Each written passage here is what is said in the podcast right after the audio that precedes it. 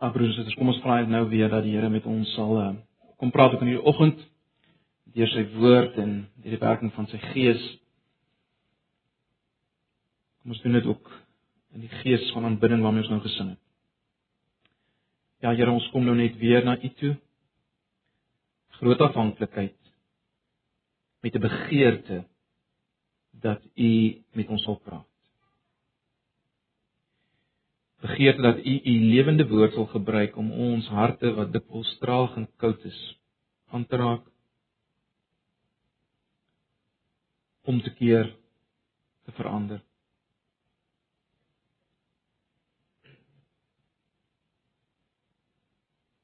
Ag Here, ons begeerte in hierdie oggend is na U alleen. Kom praat met ons. Kom verander ons en kom verheerlik U self net in ons midde. Ons vra dit in Jesus se naam. Amen. Apostels, kom ons uh, blaai vanoggend na Lukas hoofstuk 2. Ons het nou uh verlede Sondag na Psalm 77 gekyk. Kom ons blaai vanoggend na Lukas 2. Se Kersgedeelte. Ons is in die Kerstyd. Kom ons kyk vanoggend na Lukas hoofstuk 2.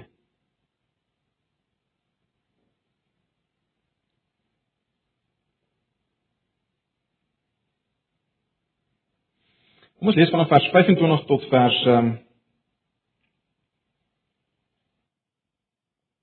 Ons kom op tot vers 39, 40 lees. Ons gedeelte waarna ons gaan kyk strek eintlik tot vers 38, maar kom ons lees maar tot by vers 40. Ek lees die 83 vertaling, maar ek gaan wel wys op 'n belangrike verskil uh wat daar is tussen twee vertalings in in wat betref een woord spesifiek wat ek graag wil hê ons moet raaks. Lukas 2 vanaf vers 25. Daar het destyds 'n man met die naam Simeon in Jerusalem gewoon. Hy was getrou aan die wet, regverdig soos die 53 vertaling sê en vroom en het uitgesien na die koms van die verlosser van Israel. Nou hier wil ek net 'n opmerking maak. Uh, so die 83 vertaling sê hy het uitgesien na die koms van die verlosser van Israel. Nou as jy dit 53 vertaling het, sal jy sien uh daar word gepraat van die vertrooster van Israel. As jy Engelse vertaling het, sal jy ook sien dit is the consolation of Israel of Israel. Uh en ek dink dit is belangrik om dit te hou. Uh waarskynlik het die vertalers van die 83 vertaling gevoel ag eintlik uh, wil hierdie woord ook maar net weer praat van van verlossing as daar staan die vertroosting van Israel. Maar ek wil hê ons moet daai woord hou want ek dink dit is belangrik. Goed, so dis die enigste belangrike opmerking wat ek wil maak wat vertaling betref. So hy het uitgesien na die koms van kom ons sê dan die vertrooster van Israel. Die Heilige Gees was op Simeon. En hy het aan hom bekend gemaak dat hy nie sou sterwe voordat hy die gesalfde van die Here gesien het nie. Deur die Gees gelei, het hy opgestaan na die tempel toe. Toe die ouers die kindjie Jesus bring om vir hom die gebruikelike bepaling uh om vir hom die gebruikelike bepaling van die wet na te kom, het Simeon hom in sy arms geneem en God geprys en gesê: "Here, laat U dienaar nou in vrede gaan volgens U woord, omdat my oë U verlossing gesien het.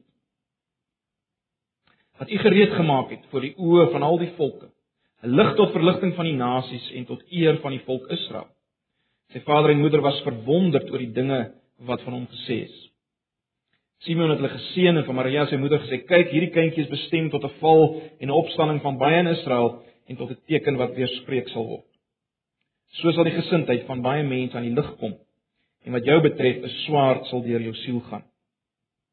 Daar is ook 'n profetes Anna, 'n dogter van Faniel uit die stam Aser. Sy was al baie oud. As jong vrou was sy 7 jaar getroud en na haar man se dood het sy weduwee gebly. Sy was nou al 84 jaar oud.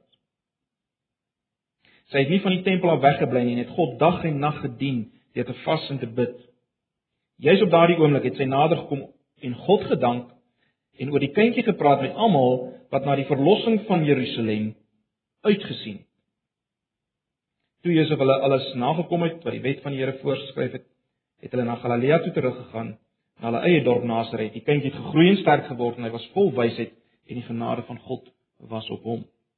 Ons lees net so ver. As as die Here wil gaan ons uh, Dinsdag weer na hierdie gedeelte kyk, maar dan gaan ons heeltemal uh, iets anders uitlig, iets anders beklemtoon. Gaan 'n bietjie kyk na die verwarring van Kersfees. Maar goed.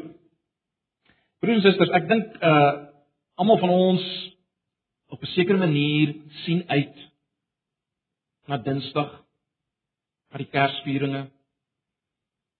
Ons het 'n verwagting dat iets sal gebeur, dat dit 'n wonderlike dag sal wees. Uh daar mag verskillende redes wees waarom jy uitsien na die dag. Dalk sien jy net uit na die lekker ete of dalk die saam wees met familie. Ek wil vanoggend egter 'n ander vraag vra en ek wil vra, het jy al ooit werklik uitgesien na Jesus Christus en wat hy kan doen in jou lewe? Jy al ooit werklik daarna uitgesien? 'n Verwagting gehad van hom. Hom verwag. Het jy al ooit? Het jy dalk nou so verwagting? sien jy uit na hom? Verlang jy na hom? Het jy begeerte na hom?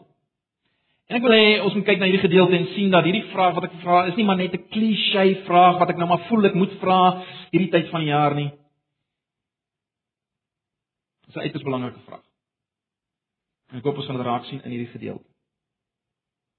Nou, as ons kyk na die gedeelte wat ons gelees het, aan die begin van hierdie gedeelte ontmoet ons 'n ou man met die naam Simeon. En aan die einde van die gedeelte ontmoet ons 'n ou vrou met die naam Anna. Volgens vers 26 het die Gees geopenbaar aan Simeon, dis hom geopenbaar dat hy nie sou sterf voor hy die Messias sou sien. En dan as uh, Jesus op 8 dae ouderdom na die tempel gebring word, dan lei die Gees ook vir Simeon na die tempel. En jy was opgelet het, hy herken belangrik, hy herken hierdie kindjie en hy neem hom in sy arms en hy dank God daarvoor. En op dieselfde tyd, terselfde tyd sien ons in vers 38 dat dat Anna herken ook hierdie kindjie neem hom of sy doen dit nie so nie, sy neem hom nie na arms volgens hierdie gedeelte nie, maar sy dank ook God, né? Nee, terselfdertyd met ander woorde, ook Anna, sy herken hom en dank God. So het ons twee mens kan sê Joodse heiliges wat die wat die beste van die ou verbond verteenwoordig, die ou verbondstelsel wat besig is om verby te gaan.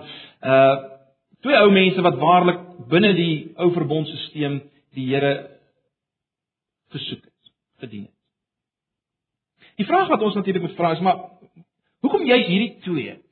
Uh van al die Jode van daai tyd uh wat die Messias kon erken en uh hom in hulle arms kon neem en God kon dank en met ander kon praat oor hom. Hoekom juist hierdie twee? Want Lukas spandeer baie tyd om ons te vertel van hierdie twee. Nee. Hy vertel dat Simon toegewyd was, die Heilige Gees op hom was, dat Anna nie die tempel verlaat het uh gevas en gebid het. Alles natuurlik as Ou Testamentiese gelowiges. Maar daar's iets meer wat ons moet raak sien en ek dink dis wat Lukas wil hê ons moet raak sien. Onthou nou Lukas is nie maar net besig om geskiedenis op te skryf nie. Dit is werklik in 'n sekere sin prediking wat hy wil hê ons moet hoor, sy lesers moet hoor, moet raak sien. En as iets wat ons moet raak sien, uh in vers 25 en vers 38. Kyk weer na vers 25 en 38.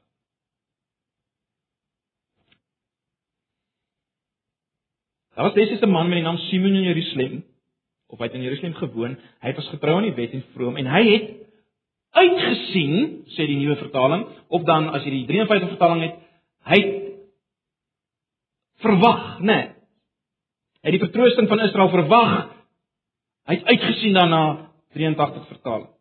En kyk dan na vers 38. Anna, jy het op daardie oomblik het sy nader gekom, vers 38 en God gedank en oor die kindjie gepraat met almal wat na die verlossing van Jerusalem uitgesien het, 83 vertaling verwag het as jy die 53 vertaling het. En dit is belangrik dat ons dit raak sien broers en susters. So hier was duidelik twee mense wat uitgekyk het, gehoop het dat God iets gaan doen vir Israel. Ek, ek dink dit is baie duidelik, nê, nee, dat uh, ons kan aanneem dat Anna self een van die was wat uitgesien het na hierdie verlossing, hierdie vertroosting wat dit verwag het. Ehm uh, en sy praat met almal wat uh, oop was vir haar getuienis. So wat wil Lukas sê met ons raak sien?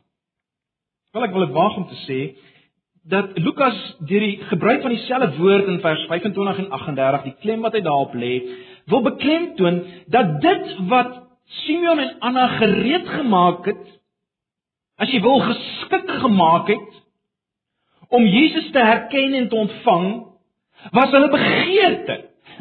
Dit was hulle begeerte dat God in die geskiedenis sal inbreek en mense sal vertroos en red deur die Christus wat hy gestuur het.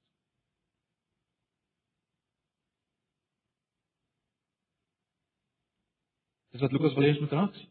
Dis wat die Heilige Gees wil hê ons moet raak sien. En ek wil 'n stelling maak op grond van van dit wat ek nou gesê het. En hier is die stelling.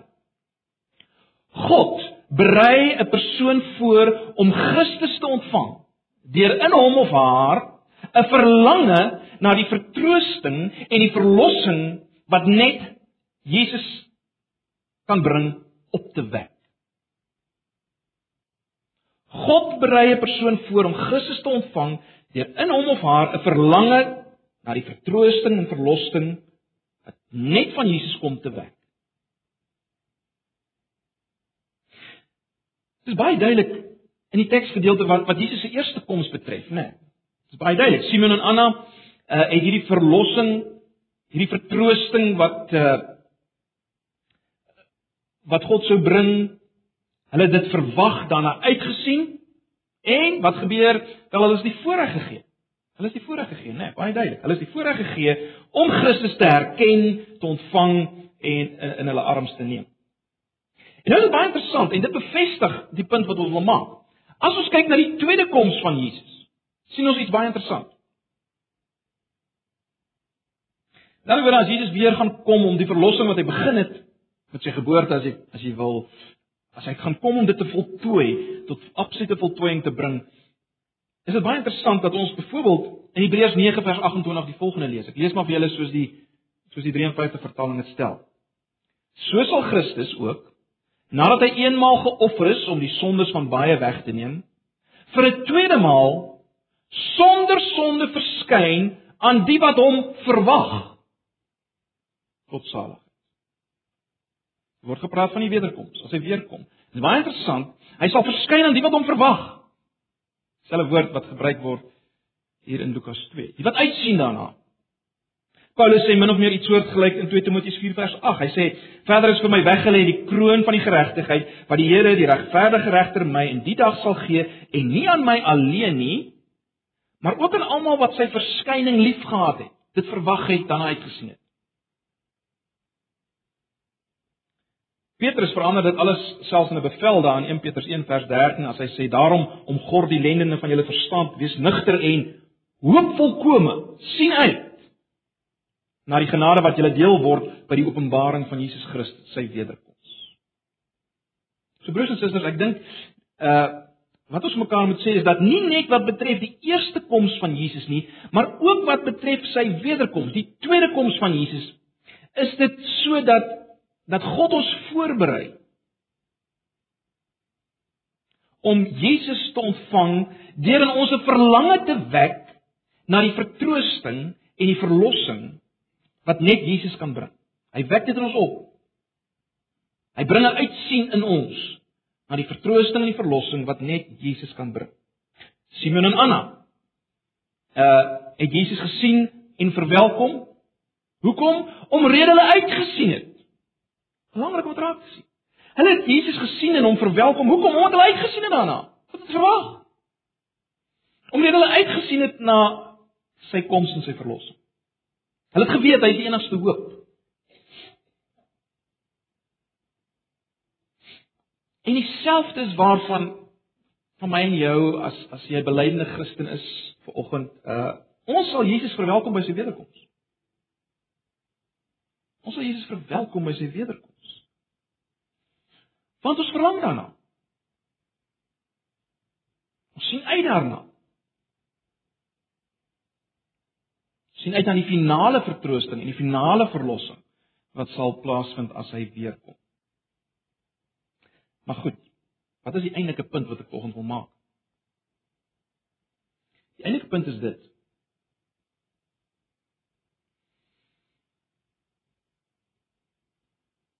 Dieselfde is waar. Wanneer dit kom by die ontvang van Jesus, die of as jy wil, die kom van Jesus na iemand in die proses wat ons bekering noem. Of dit nou bekering vir die eerste keer is of by herhaling weer en weer van dieselfde plaas. In ander woorde, kom ek sê dit weer, kom ek gee weer die stelling. God berei 'n persoon voor om Jesus te ontvang deur in hom of haar 'n verlange na die vertroosting en verlossing wat Jesus kan bring op te wek. En ek sê dis waar ook van die kom van Jesus in iemand se lewe in die proses wat ons noem bekering of wat jy dit ook wil noem verlossing tot geloof kom. Dit is baie interessant as mens kyk na die bekende verhaal van Martin Luther, julle ken dit almal. Uh Dit is baie duidelik dat dit so is, nê. Nee, ons ken die verhaal van Luther, uh, Luther wat amper deur die weerlig doodgeslaan is en en dan maak hy 'n belofte aan God dat hy 'n monnik gaan word. En van daai punt af doen Luther as te ware alles in sy vermoë om om by God uit te kom. Hy het die drang om by God uit te kom. Hy soek God op al die maniere wat die kerk van die dag dit gedoen het, né? Uh deur homself uh, as monnik as te ware te pynig om om uh, om om homself te onthou van sekere dinge. Uh, hy gaan op in mistisisme in 'n sekere sin. Hy doen belydenis oor sonde. Hy doen al hierdie dinge. Uiteindelik studeer hy verder in die Bybel as jy wil in die teologie en hy begin klas gee. Alles deel van hierdie begeerte verlange. Hy skryf hy self uiteindelik hieroor. Hy sê ek het vreeslik verlang om let op sy woorde, ek het vreeslik verlang om Paulus se brief aan die Romeine te verstaan. Niks het in die pad gestaan nie behalwe daardie een uitdrukking, die geregtigheid van God. Aangesien ek dit gesien het as die regverdigheid waardeur God regverdig is en regverdiglik die onregverdiges oordeel. My situasie was dit dis so sê Luther. Alhoewel ek 'n onberisplike monnik was, het ek voor God gestaan as 'n sondaar wat geweldig gepla is in my gewete. Ek het ook geen vertroue gehad dat my verdienste hom sou tevrede stel. Daarom het ek nie so 'n regverdige kwaai God liefgehad nie. Maar hom eerder gehaat en teen hom gemurmureer. Tog het ek vasgeklou aan Paulus en let nou op en 'n groot begeerte gehad om te weet wat hy bedoel. Nag en dag het ek hieroor bepeins. Nag en dag het ek hieroor bepeins totdat ek die verbintenis gesien het tussen die geregtigheid van God en die stelling die regverdige sal deur die geloof lewe. Julle ken dit in Romeine. Toe het ek besef dat die geregtigheid of die regverdigheid van God daardie geregtigheid is waardeur God ons regverdig verklaar deur die geloof uit sy groot genade en barmhartigheid. Die oomblik toe dit gebeur het, het ek gevoel dat ek weer gebore word en deur oop deure die paradys binnegaan. So wat sien ons hier? Ons sien hier uh hier in die klooster kom kom Luther aan die einde van homself, nê, nee, baie duidelik. Hy het geen hoop meer vir verlossing gehad in homself nie. Geen hoop nie. Maar deur die genade van God het hy het hy nie sy verlange opgegee nie. Sy verlange na na vertroosting en verlossing. En hy het sy aandag gefestig op die een plek waar hy geglo het hy kan dit kry, die Bybel self, né? Nee. Hy praat van sy begeerte. Hy praat van die feit dat hy dag en nag hieroor gepyns het. So wat probeer ons sê? Wat probeer ons sê? Broers en susters, God het Luther voorberei om die ware betekenis van Jesus Christus te sien en te aanvaar. Hoe het hy Luther voorberei? Wel, deurdat hy in Luther 'n diep en kragtige verlange opgewek het. Of 'n begeerte opgewek het om uiteindelik die vertroosting en verlossing wat slegs in Jesus kom op grond van wat hy gedoen het, te ontvang.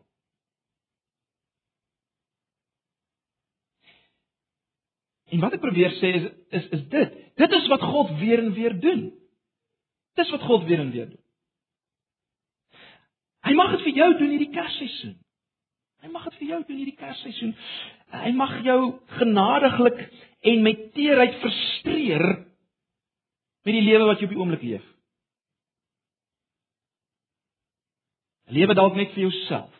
'n Lewe vir meer en meer insamel, 'n lewe vir gewild wees, 'n lewe vir aansien. Wat die geval mag wees. En hy mag jou vol met 'n verlange en 'n begeerte wat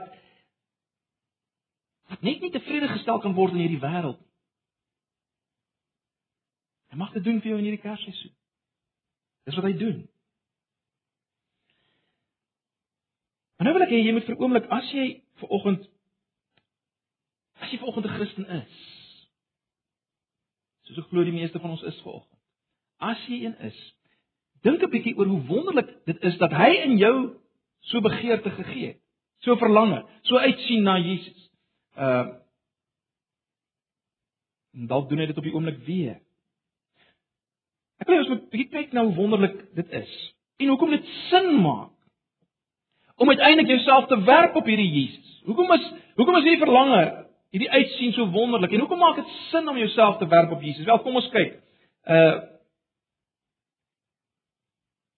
na dit waarna Simeon en Anna spesifiek uitgesien en verlang het. Eerstens en ek verwys nou weer na vers 25. Simeon het uitgesien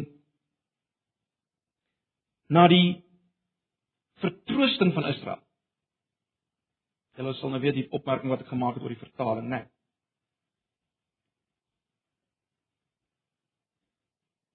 So ek wil sê dit maak sin om jouself op Jesus te werk. Dis wonderlik as God die begeerte na Jesus in jou gewerk het uh, of of gegee het, want Jesus is die vertroosting van Israel.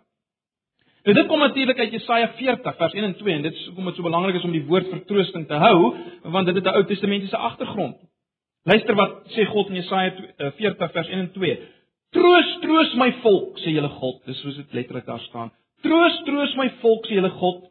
Spreek na die hart van Jerusalem en roep haar toe dat haar stryd verby is, dat haar skuld betaal is, dat sy uit die hand van die Here dubbel ontvang het vir al haar sondes, verby. En nou, broers en susters, Wat is hierdie vertroosting? Dis die vertroosting dat God se regverdige woede teen sonde verby is. Dis die vertroosting dat die Hemelse Vader 'n tere empatie het vir ons swakheid. Dis die vertroosting dat ons sonde vergewe is en in die dieptes van die see gegooi is. Micha 7:19. Dis die vertroosting waarvan hier gepraat word. Dis waarna Simeon uitgekyk het.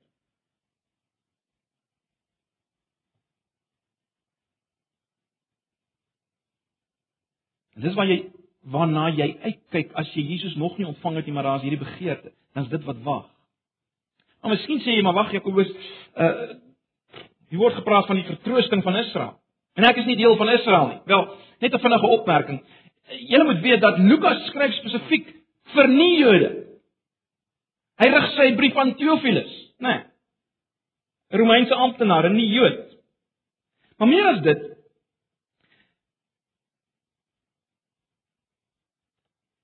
kyk na Simeon se profesie. Vanaand van vers 29 af. Here, laat u dienaar nou in vrede gaan volgens u woord, omdat my oë u verlossing gesien het wat u gereed gemaak het voor die oë van al die volke, 'n lig tot verligting van die nasies en tot die eer van Israel. Jy sien dit gaan oor die nasies, waarvan ek en jy deel is. Dis vir ons, dis vir my en jou. Dis ook vir die buite Israel waar daar vertroosting is. In Jesus Christus. Sy Jood en heiden.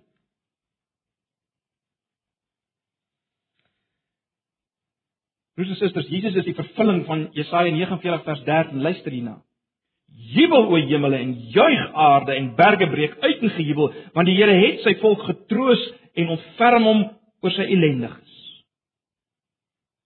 In die lig van wat ek nou gesê het, geld dit vir ons geld vir ons. En daarom maak dit sin om jou op Jesus te werp. Daarom is dit ongelooflik as God in jou 'n verlange, 'n uitsien na Jesus gewerk het, want dan is dit 'n uitsien na na hierdie vertroosting. Dan is dit omrede God jou voorberei vir hierdie vertroosting.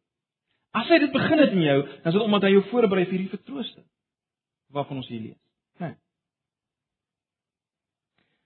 Moet dit daarom nie op enige ander plek soek nie. Moet dit nie op enige ander plek soek nie, ook nie in hierdie Kerstyd.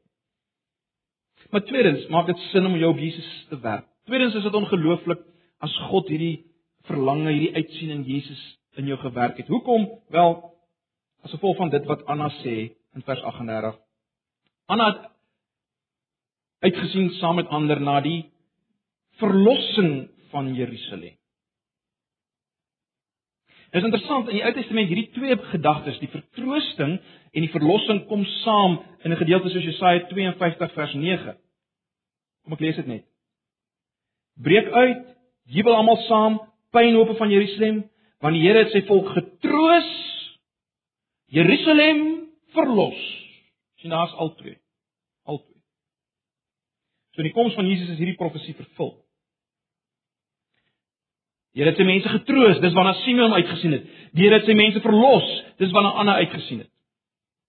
Nou, onmiddellik moet jy vra vir hom, is daar 'n verskil? Ek het nou net klem gelê op hoekom ons dit wel moet vertaal as as vertroosting. Hoe hoekom? Wat is die verskil tussen vertroosting en verlossing? Wel, broers en susters, uh waarskynlik spreek vertroosting tot tot daardie verlange in ons vir genesing en herstel van al die verliese as jy wil, al die misrabele belewenisse van die lewe.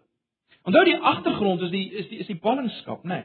In die ballingskap uh, waaroor Jesaja uh, in die tyd waarin Jesaja skryf, in die ballingskap het mense oordeel beleef en uh daarmee saam skuld en vrees, alleenheid, dood. So waarvan praat vertroosting? Waarvan praat vertroosting? Wel, vertroosting is wanneer God kom om te genees en te herstel en te laat herlewe alles wat weggegooi is of verlore is. Dis die vertroosting. Dis die vertroosting. Wat is verlossing? Wel, verlossing praat weer of spreek as jy wil tot ons behoefte om bevry te word van die kragte wat my steeds bind. Sonde, die Satan, die wêreld. Verlossing spreek van die bevryding daarvan.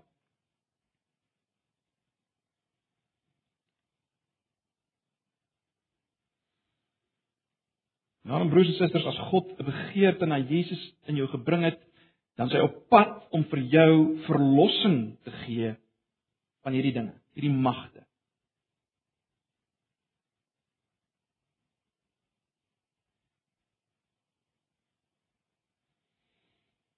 Jou begeertes vir die oorwinning van die magte van bose in jou lewe sal hy vervul. In Jesus Christus. Wat ons moet verstaan in hierdie oggend is God besit en beheer alle dinge vanoggend soos ons hier sit. En daar's niks wat hy vir jou hierdie Kerstyd kan gee wat jou behoeftes en jou verlange meer sal stil. Jou eintlike behoefte en verlange meer sal stil as die vertroosting van Israel en die verlossing van Jerusalem. Hy en hy kan alleen kan dit doen broers en susters juis omdat Jesus Christus self op Golgotha nie deur God vertroos is nie. Nie verlos is van die kruis. Hy het dit deurgegaan in ons plek. En daarom juis is hy die een wat ons nou kan vertroos en kan verlos. En baie belangrik ek en jy vanoggend sal weet, dit is hoe ons God is. God is so, want Jesus is God. Dis God wat daar in die krib gelê het. Dis God wat in die arms van Simeon was. God die seun, maar is God. Hy's nie minder nie. Hy's nie anders nie. Dis God. Niemand het God ooit gesien nie. Hy het kom wys wie God is. En daarom as ons praat van hierdie vertroosting en hierdie verlossing, dis God die seën wat dit bring. Baie belangrik dat ons dit sal verstaan en sal vat.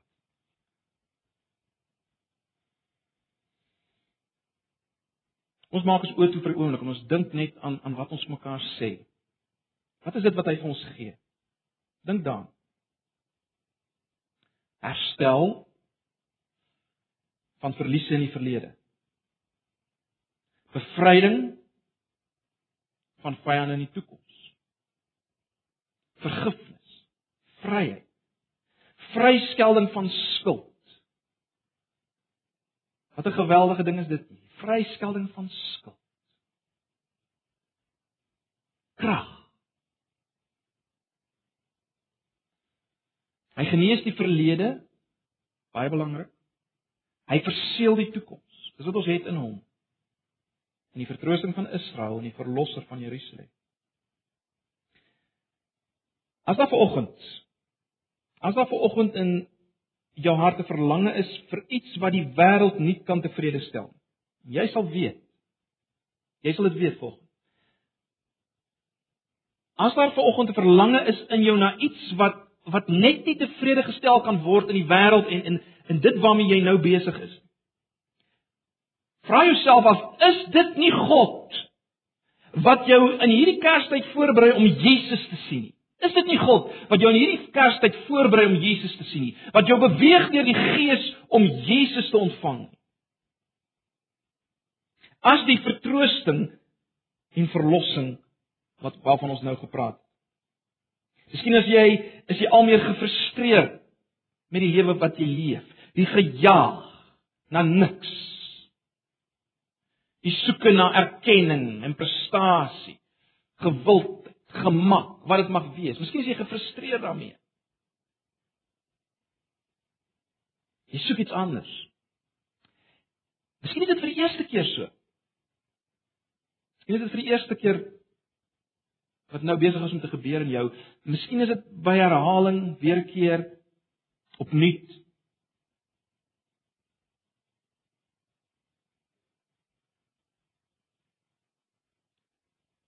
Dis is as as God dit in jou doen en dis hy wat dit doen. As God dit in jou doen, wel dan wil ek sê kom na Jesus vanoggend. By herhaling Maak nie saak, dalk is dit die eerste keer dat jy werklik kom, maar kom na hom en sê Jesus, ek ontvang U as die vertrooster en die verlosser.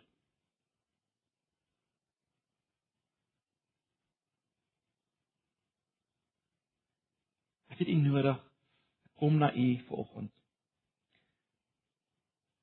Gee tyd vir stil gebed. Dat ons elkeen net weer voor die Here sal kom.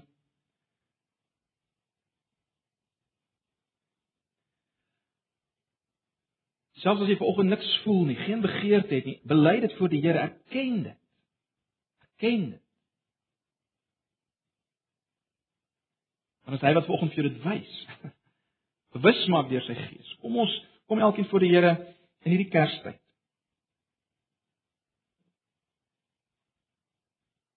Ek 'n paar oomblikke van gebed voor ek afsluit. Ag Here baie dankie dat ons in hierdie oggend kan weet dat as daar by ons frustrasie is met ons lewe soos dit nou is, begeerte na iets meer en anders wat net U kan bied. Dankie dat ons ver oggend kan weet dat dit U is wat so werk. Here, soos ons verlede Sondag gesien het dat U juis aan die werk is daar waar ons dit die minste verwag, daar waar vir ons lyk u is nie. Soos u juis aan die werk was op Golgotha, toe dit lyk asof u nie daar is nie, u afwesig is. Soos u juis aan die werk in ons frustrasie, in ons leegheid, in ons voel of ons niks het en nêrens op pad is nie, dis u wat ons besig is om te besig is om ons te frustreer. En dankie dat ons vanoggend kan weet dat u vir ons die vertroosting en die verlossing wil bring wat net moontlik is in Jesus Christus God wat mens geword het. God wat in ons plek ons skuld reeds gedra het. Ag Here, ons dankie daarvoor. Ek bid vir elkeen wat vanoggend hier is en elkeen wat nie hier is. Ag Here.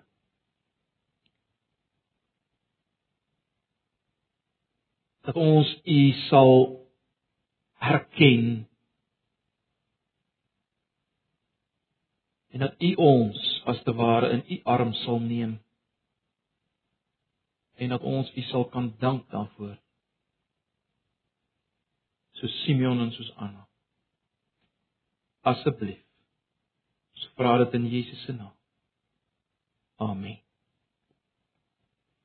Kom ons sluit af met laaste lied